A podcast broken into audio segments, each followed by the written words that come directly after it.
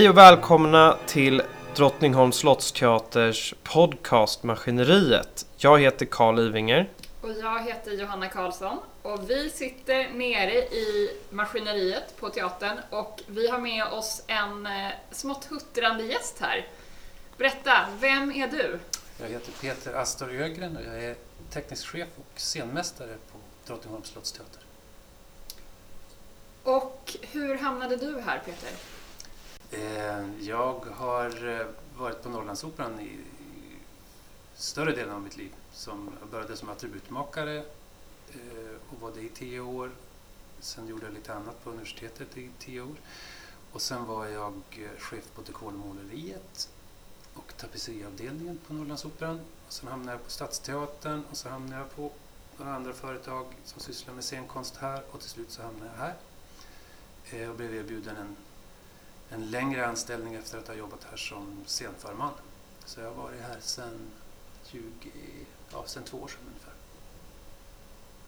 Och årets föreställningar, vi kommer ju spela i juni Rokoko-maskineriet och senare i sommar i augusti Don Giovanni.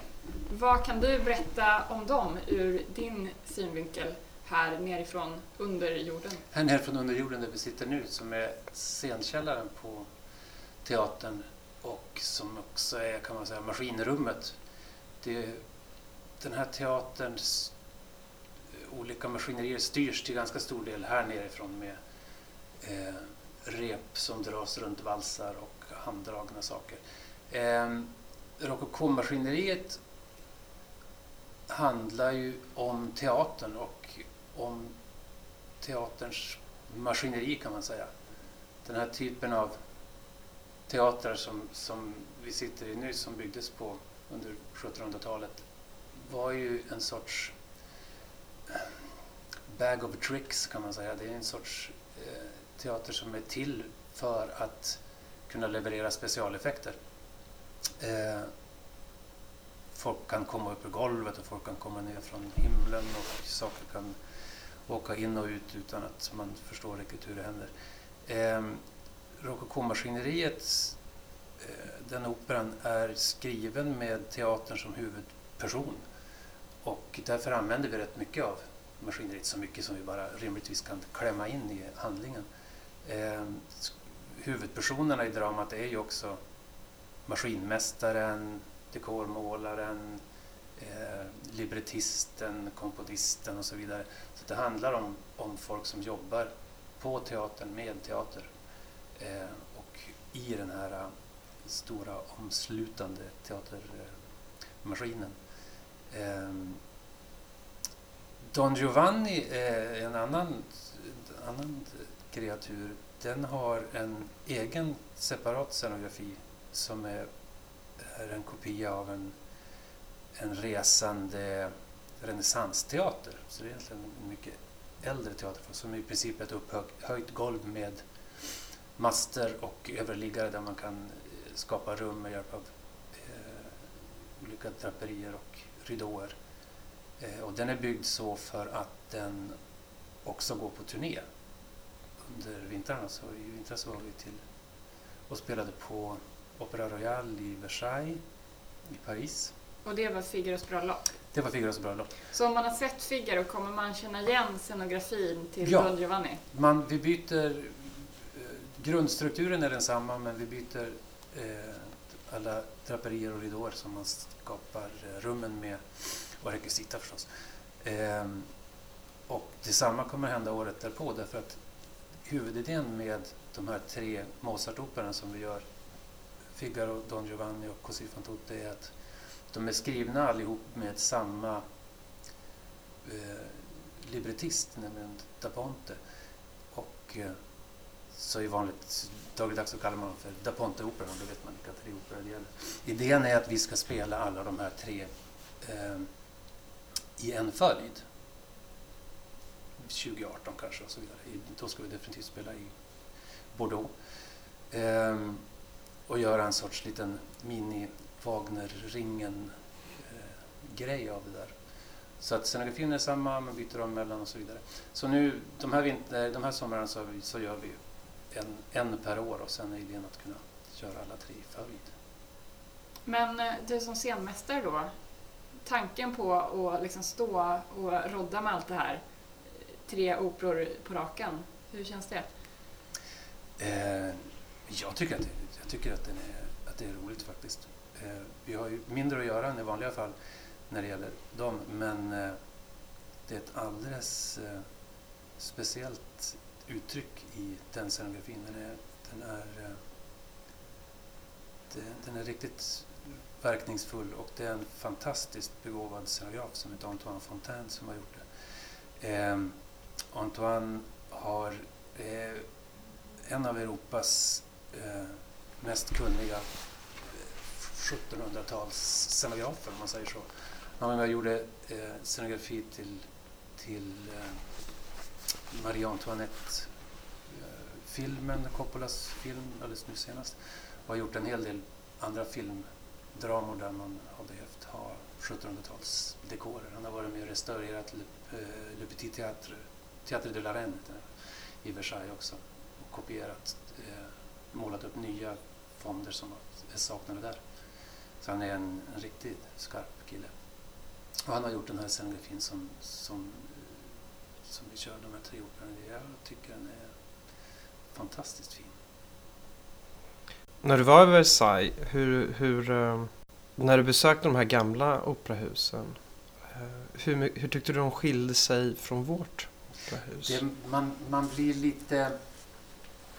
Man blir lite...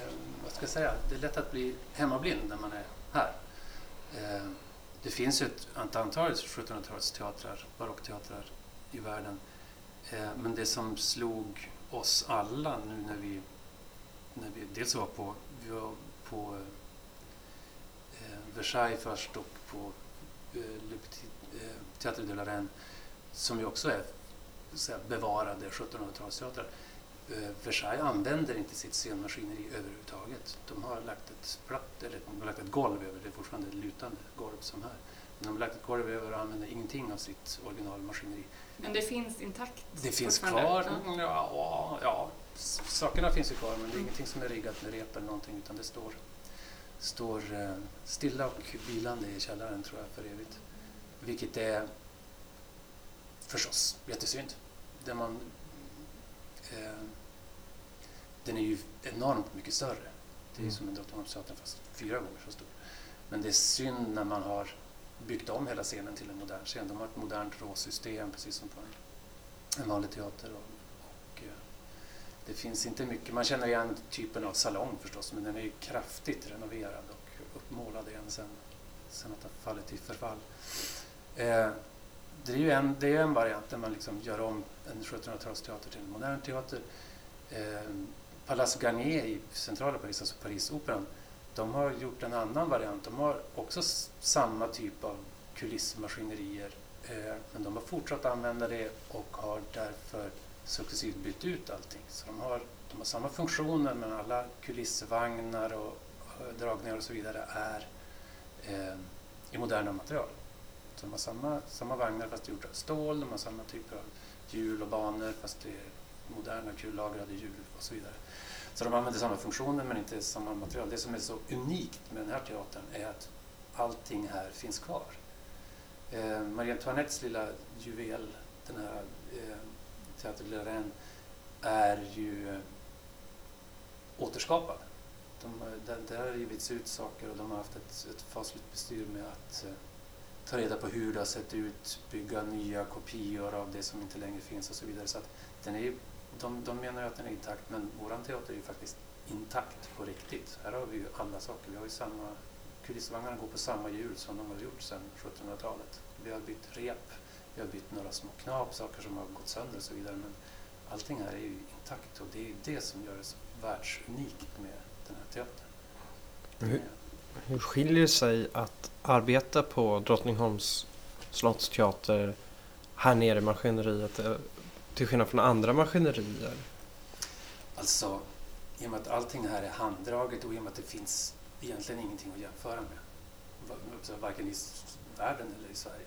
En vanlig teater fungerar ju inte så här överhuvudtaget. Inte, modern teater är inte byggd så här. Vi har, vi har inget råsystem, alltså de långa pinnar som går stockar som går tvärs över scenen som man hänger fonder och andra saker på.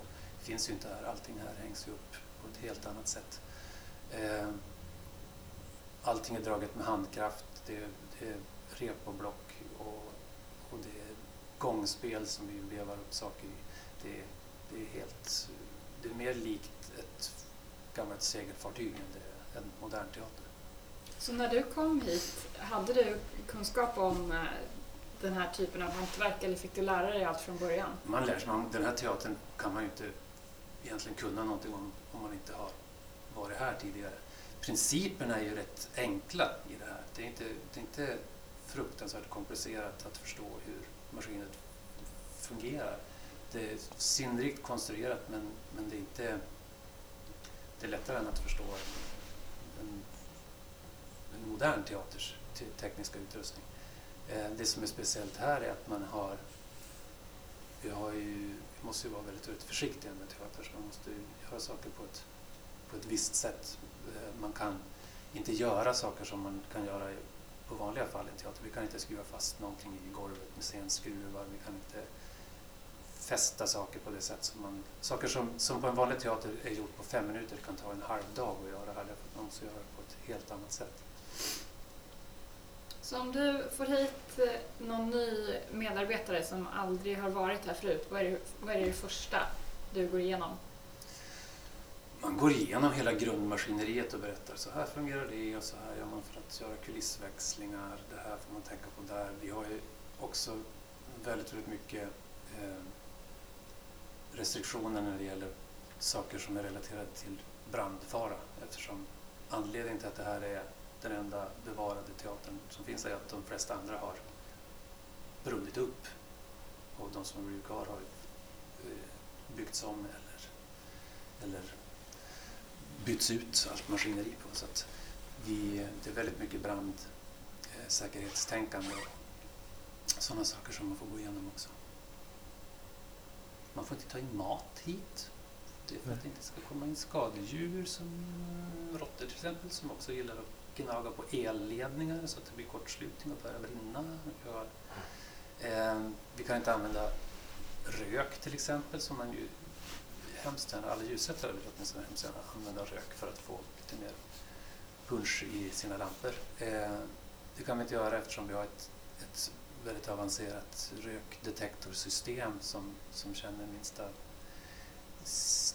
sniff av rök.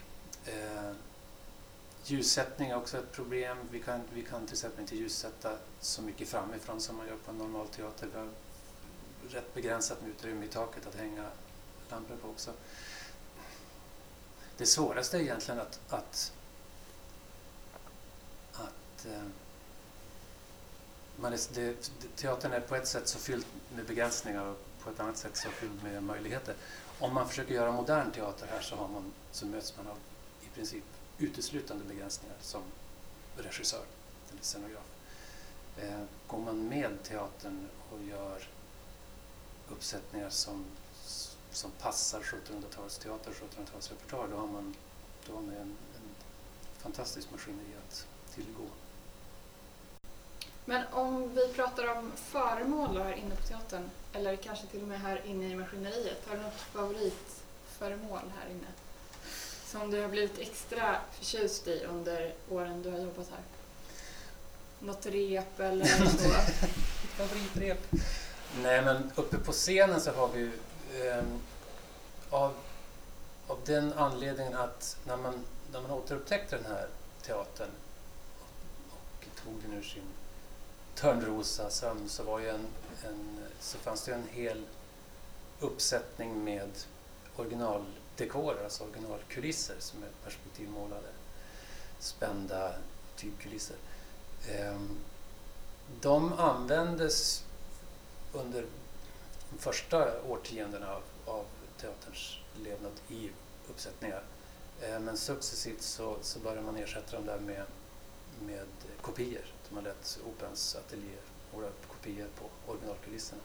Och de är tagna härifrån, originalkulisserna, eftersom de är så världsunika. Det är, drar jag återigen upp den här lilla teatern i Versailles. Eh, Teater de la Reine som är så otroligt lyckliga över att de har en, nästan en komplett uppsättning kulisser. Vi har ju nästan 30. Och de är ju, det är ju ett fullständigt unikt världsarv. Så vi använder ju, det vi använder på scenen nu är ju kopior som är målade under 50 60-talet. Eh, men där uppe hänger eh, en av de stora effekterna i det här maskineriet som heter molnmaskineriet. Som är ett system av eh, moln i ett par olika nivåer som man filer släpper ner från taket som vecklar ut sig.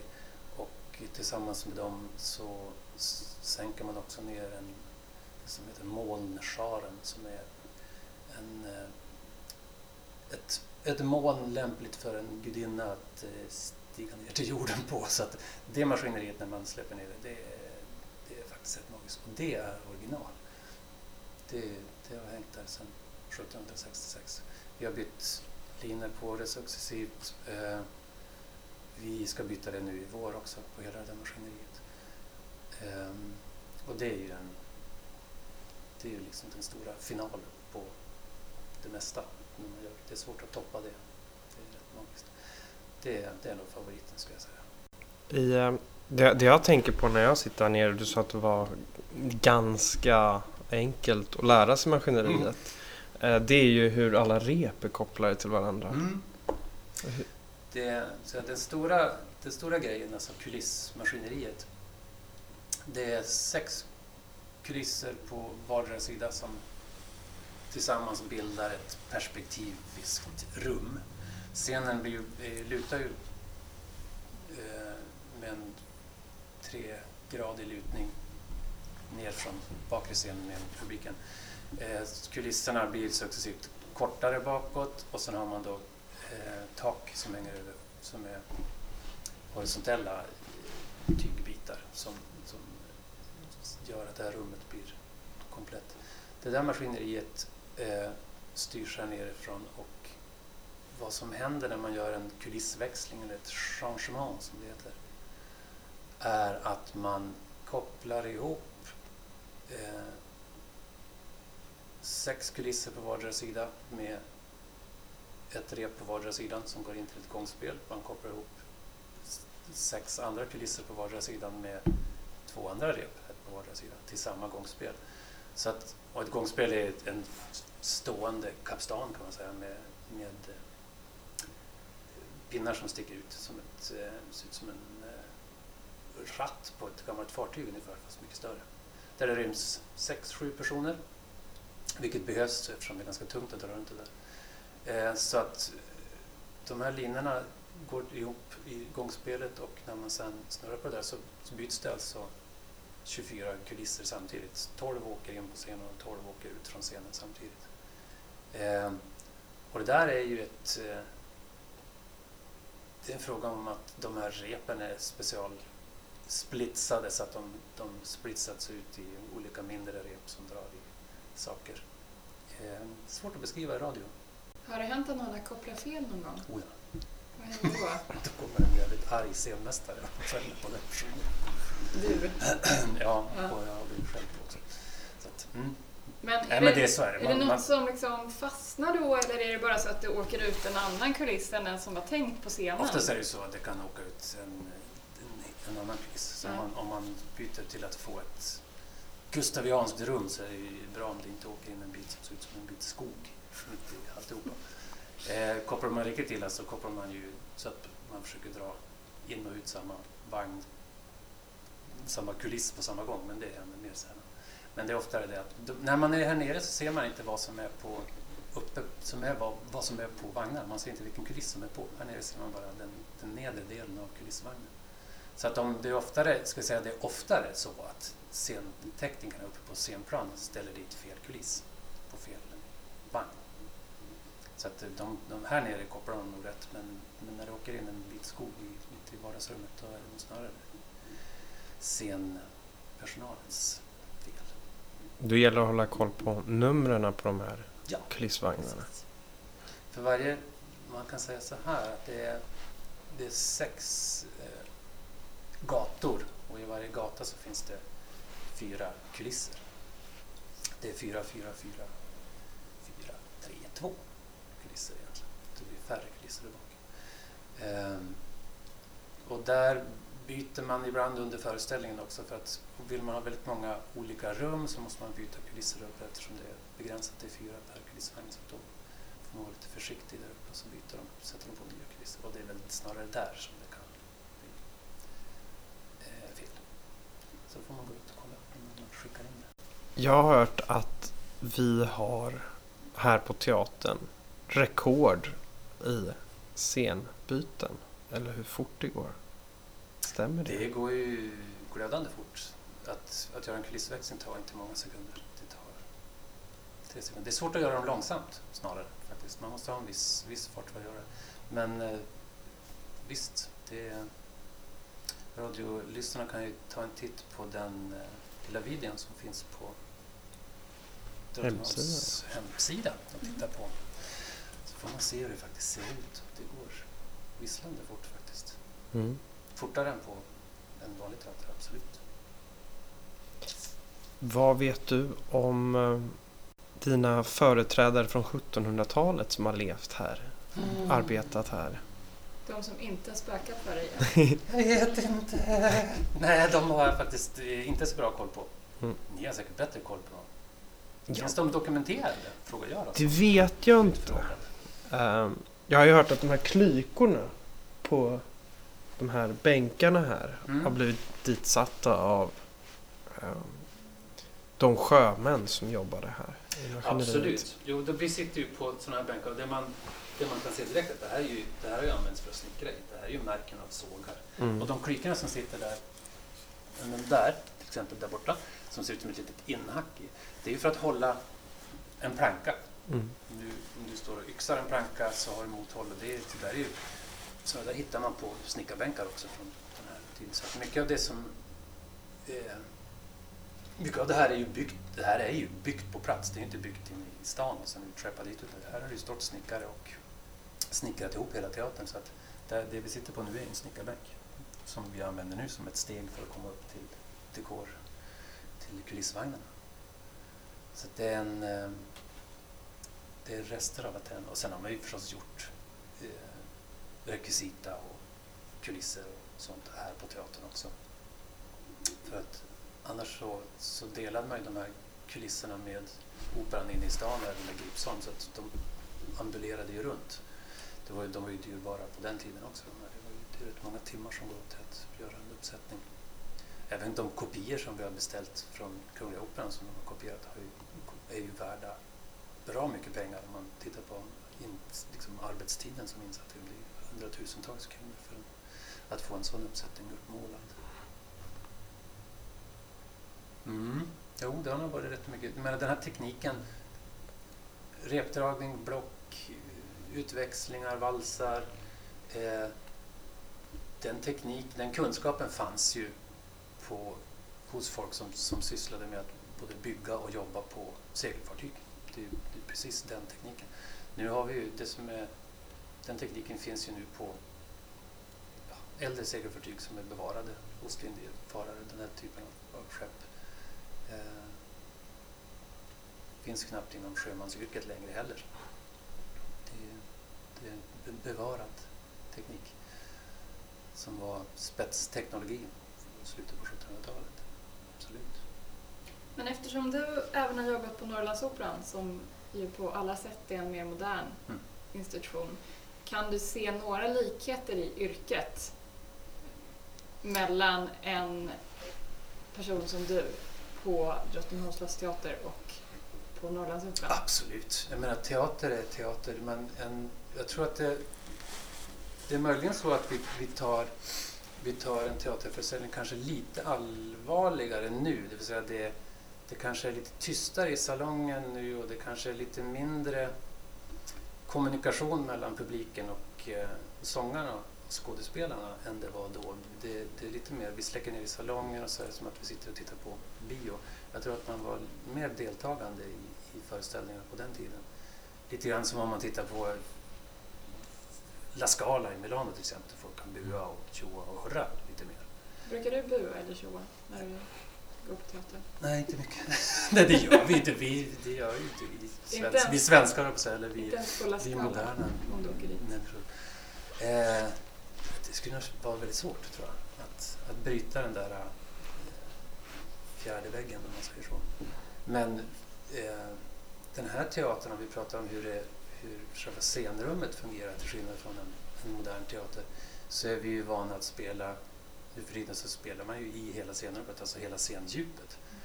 På den här tiden så är det nog eh, sannolikt det som teaterforskarna och eh, uppförandepraxisforskarna hävdar att man spelade längst fram i prosceniet, man säger så, så långt fram mot publiken som möjligt. Av, dels av den anledningen att det var där det fanns mest ljus. Och Alla, alla skådisar och sångare söker sig dit där det finns ljus. Eh, men också därför att scenrummet bakom dem inte är ett scenrum i den bemärkelse som vi, som vi lägger i ordet idag, utan det är mer en sorts tredimensionell backdrop. Det är mer en, det är mer en sorts eh, djupskapande bakgrund till dramat som spelas där framme.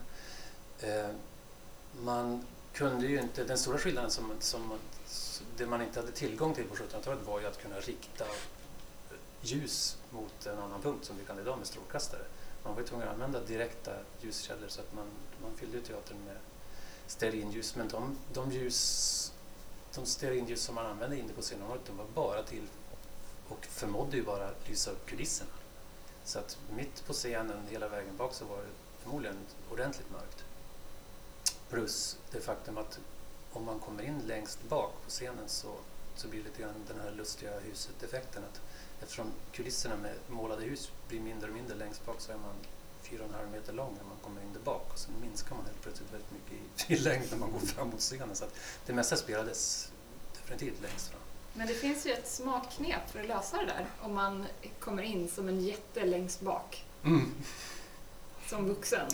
Då lät man ett barn Precis. göra det istället. Mm. Absolut. Och det gjorde man säkert också. Man, de tog ju tillvara alla effekter som de bara kunde hitta på. Ehm, för att leka med perspektivet framförallt. Definitivt. Men om man ser på det här med... Salongen har ju två, två, eh, två balkonger som är, man kan tycka är väldigt märkligt eh, mer vända ut mot resten av publiken än mot scenrummet.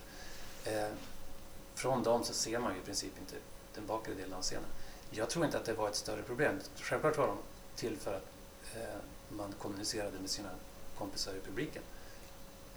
Jag tror att många av de här föreställningarna kan man också se som att det är lite grann som när man har på TV när man har party hemma. Det, det föregår, för, försiggår en föreställning men man är också där för att träffa sina jämnåriga kompisar och är rätt unga. Det är som Eh, en DVD-brasa. Precis. Men från de, från de balkongerna så ser man alldeles utmärkt den främre delen av scenen, Mm. på scenen där, där förmodligen allt, allt, eh, All action. va? all action Ja. var. Man missade kanske specialeffekterna där bak. Men man hade specialeffekter, man hade färgat ljus, man, man, man experimenterade och försökte göra rikta ljus med hjälp av parabolspeglar och så vidare. Och så fort någon kom in och behövde en spotlight i ansiktet så fick man istället komma in med en, och bära en lykta i handen som lyste upp ens eget ansikte.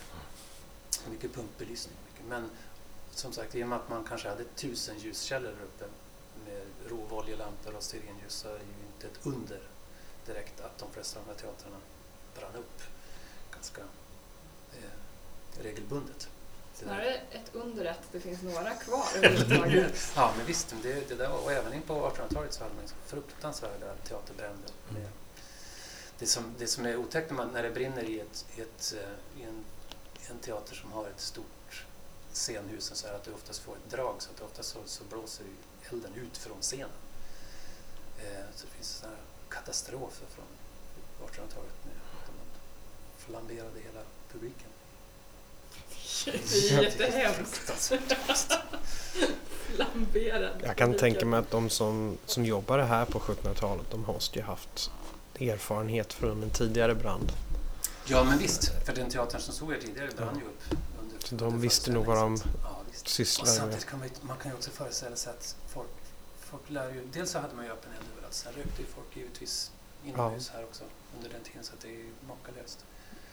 Det finns ett spår av lampolja från Vindan där man fyllde de här rovoljelamporna som man använde både för, för rampljuset och på andra ställen. Ehm, man, man känner igen det för att runt alla eh, de här ljuspinnarna som ljusmasterna där man satte fast alla stearinljus som lyser på kulisserna. I botten på dem så är det väldigt stora mörka fläckar som förmodligen är lampolja som har mörknat under tiden. Men det finns ett sånt vackert spår av lampolja längst uppifrån vinden, längst ner hela trappen där någon har gått och haft en sån här rovoljelampa lite på sniskan och kanske burit ner ett helt fat med sådana där och lyckats tippa ut den. Ehm, och det ser ju ut som en inbjudan till eldsvåda, kan man säga. Så att det, är ett, det är makalöst att tänkte, jag tänkte att den fortfarande finns kvar. Och vi gör det bästa vi kan för att det inte ska hända någonting. Om du hade obegränsat med, med resurser, vad skulle, du, vad, vad skulle du vilja göra på scenen här då? Och med vem? Och med vem? Ja, men... ja, jag skulle vilja sätta upp en... Eh, jag skulle vilja göra någonting... Om det gick, om det var möjligt, om det inte, om det inte var... Om vi inte hade de brandrestriktioner vi hade så skulle det vara fantastiskt eh, att få se en föreställning belyst på det sätt som man belyste den på 1700-talet. Att få se en, en, all den här scenografin och hela teatern upplyst av levande ljus. Det skulle vara en önskedröm. Eh, det närmaste man kan komma det är faktiskt att gå på Konfidensen, vår systerteater, där man faktiskt får använda levande ljus till scenföreställningarna. Det, är, eh, det tar ett tag att vänja sig vid hur fruktansvärt mörkt det är. När man försöker lysa upp det bara med, bara med stearinljus, men det är, det, är, det händer något fantastiskt med, med scenrummet och med kulisserna och med tredimensionaliteten. Det ser man på de här kulisserna också. När man, när man belyser dem tillräckligt lite så ju, ju mindre man belyser dem desto bättre fungerar de faktiskt. Vi har ju i teater, ända från, den, från det jag började med teater så har, vilket är alltså slutet på 80-talet, så har det blivit ljusare och ljusare på, på våra scener i, i hela världen ska jag säga. Eh, därför att man, ja, man, man vill och sen blir man van vid ett högre ljusvärde. Människor på 1700-talet som levde i ett, ett samhälle som, som inte var upplyst med knappt gatlyktor överhuvudtaget utan man efter mörkrets inbrott bara hade stearinljus att tillgå var mer van vid att eh, ja, duktigare på att se i mörker, eller var mer van vid att se i mörker. Och det här var ju, om jag kommer ihåg rätt, räknat som en av Sveriges mest, bäst upplysta platser under en viss tidsperiod. Det här var, fanns mest ljus i hela stan. Det har vi försökt återskapa i salongen. Ja, Med Drottningholmsljusen. med Drottningholmsljus som är en uppfinning som, som vi är nästan ensamma om att använda. Man använder det Mm. på Köpenhamnsoperan också. Men, men det är, ett, det är en, en, ett elektriskt ljus som eh, är konstruerat så att det, det ger ifrån sig samma ljusvärde som en, en stearin eh, låga, alltså en kandela. Och eh, som dessutom har ett sinnrikt eh, system där den faktiskt hänger och eh, vickar på ett helt oregelbundet sätt på grund av en, så vitt jag förstår, det blir någon sorts magnetisk eh, whatever nere i ljushållaren som gör att de, de de står inte och vickar helt regelbundet, de, de, de vickar. Det de däremot inte gör är att de fladdrar inte i ljusintensitet som ett stearinljus. Ehm, så man får inte det här skimrande. Men det som, är, det som de flesta, och de som, det som de flesta människor reagerar på, framförallt de flesta regissörer och ljussättare, det är att vi inte släcker ner i salongen. Eftersom man historiskt sett menar att det gjorde man inte under den tiden. Det kan jag mycket väl tro på också. För att det, det är svårt nog att byta de här ljusen idag. Det var omöjligt att byta dem på den tiden. Så att salongen var upplyst. Och varför skulle man släcka salongen när man var där för att synas i sina Mm.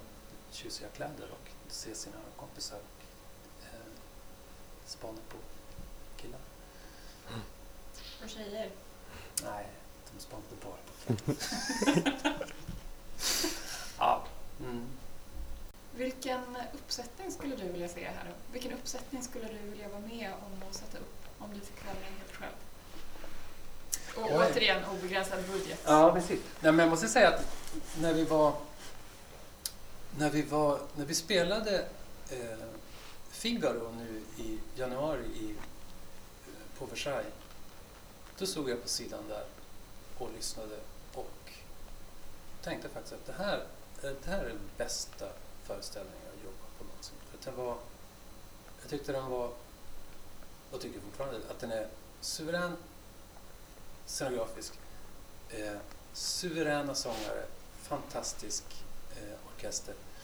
Det, det kändes verkligen som att ja, det här är det bästa.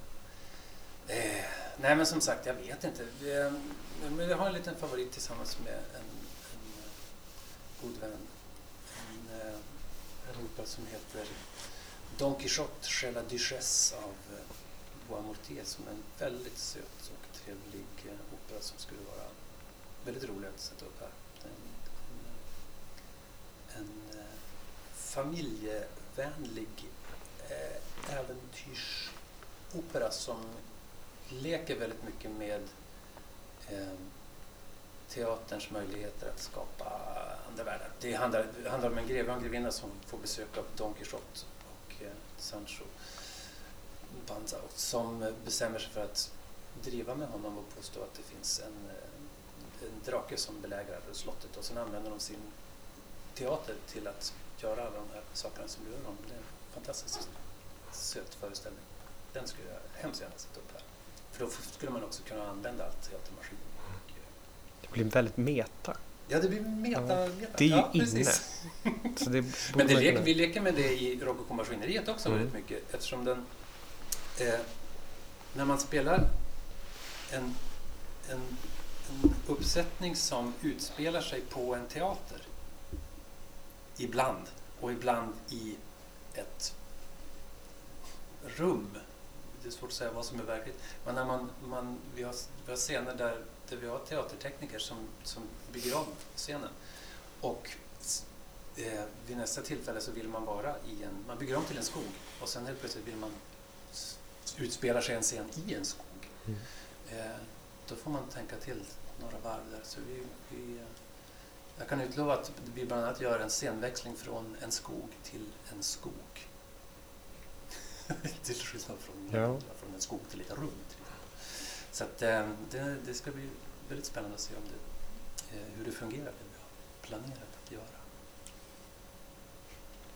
Man kan ju känna nostalgi över, över det förflutna även fast man kanske aldrig riktigt upplevde det. Och Mm. under 1600-talet och 1700-talet så var ju scenmaskineriet och de här effekterna, det var ju på något sätt då de var som störst och Mm. populärast. Visst. Skulle kunna drömma dig tillbaka och vilja att det skulle bli någonting som vi idag tar tillvara på. Att man går inte bara till teater eller opera just bara för pjäsen utan även för maskineriets Ja, skull. ja, precis, för scenbilderna. Absolut. Men det där, det, det där är också saker som... Man säger, det går ju mode i scenografier också. Mm. Det här, vi måste ju prata om en scenografi eftersom det här är ju en, säga, en permanent teaterscenografi som är byggd. Man kan byta rum och så vidare men den, den, den kan ju egentligen bara göra ett begränsat antal saker. Eh, vi har ju haft en, en period då vi har haft väldigt abstrakta rum eller väldigt icke föreställande rum på, på moderna teaterscener. Eh, det där håller lite grann på att vända nu. Nu, nu har man lite mer gestaltade rum. Om man går runt på teatern och tittar nu så ser man, ser man faktiskt mer och mer realistiska rum eller där man på något vis sätter sig i en, en, en miljö som är definierbar och inte bara ett psykiskt rum om man säger så.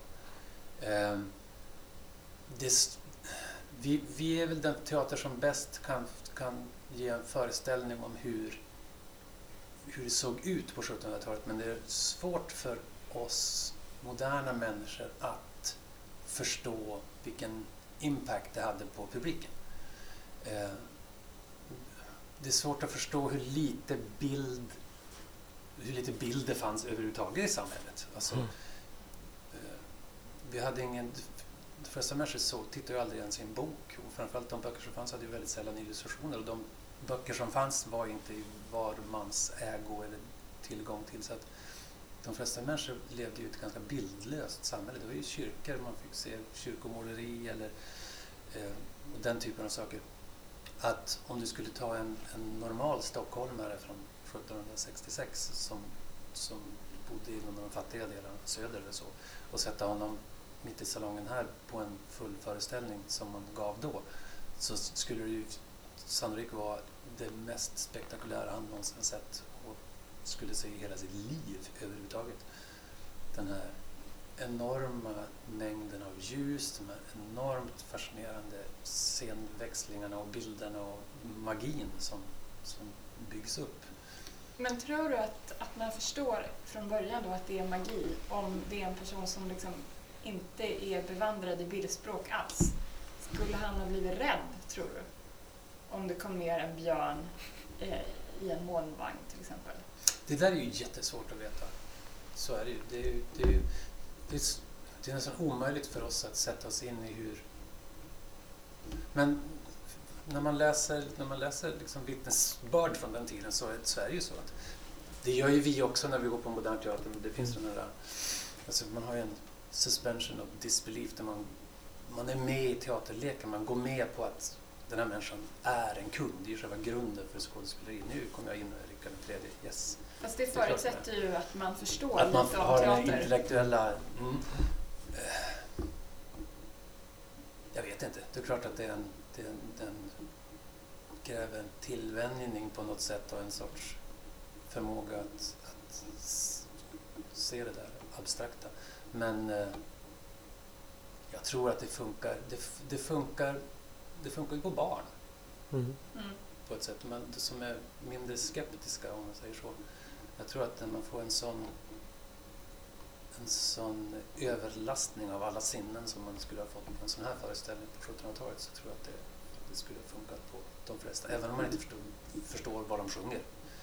Utan de kanske de sjunger på italienska eller på franska eller även när de sjunger på svenska så ja, det är inte alltid man hänger med. Men jag tror att det hade funkat ändå faktiskt. Men som sagt, jag tror att det är väldigt, väldigt svårt för oss som moderna människor att, att se det som de gjorde. Det tror jag definitivt. Vi är för avtrubbade med så många andra liksom, sinnesintryck. Eh, video, ljudmässigt. Så att vi, vi har svårt att, tror jag. Det blir, blir mer en nostalgi för oss. Mm. Men även, även där så är det lätt att man, man kan sitta i salongen och drömma sig in och faktiskt låtsas att det är på 1700-talet. Har du någon favoritteater någonstans i världen som du inte har varit på än, som du skulle vilja åka till? Ehm, jag har en favoritteater, men där har jag varit. att, och det, är- det är faktiskt eh, det är Palace Garnier i, i Paris. Den, den Parisoperan. Den är ju äldre än den här, men den har samma typ av teknik, men den är, den är fortfarande fungerande. Och, eh, mm, det är min favoritteater, absolut. Det är too much, det är för mycket av allt. Den är helt underbar. Fantastisk. Det här är en väldigt svensk teater. Den är ju väldigt Ja, men sparsmakad och Den är lagom. sparsmakad och, och liksom, nästan lite, nästan, Ja. lite, ja, nästan lite funkis om man säger så. Ja. I den världen. Om, man, om man jämför med de här totalt överdådiga franska teatrarna som ju är Mm. så fantastiskt dekorerat så, så finns det finns någonting kärvt och nästan sublimt i det här, i den här teatern. Den, den är så scen... När man kommer ut och, och står liksom mitt mellan salongen och scenen vid orkesterdiket så, så känner man liksom hur extremt välbalanserat och välproportionerligt allting är. Den är, den är. Allting sitter på rätt ställe. Den är, den är ett mästerstycke. Liksom arkitektur. Helt, helt underbar. Kan inte du avsluta Peter med att berätta med tre eller kanske fem ord sådär varför man ska gå och se Rokoko-maskineriet? Man ska gå och se Rokoko-maskineriet därför att det som fyller år i år, det här är ju redan nu mer än 30 år. Men vad det är som fyller år är ju Drottningholms slottsteater. Så det är teatern som fyller år och man ska gå och se Rokokomaskineriet för att det är en födelsedagsgratulation till teatern och till oss som får ha den kvar, får njuta av den och dela med oss av vad det är för teater vi har i vår huvudstad som är världsunik. Så kom och titta på den. Fint sagt. Tack för idag. Tack. Hej då! Hej då! Hej då.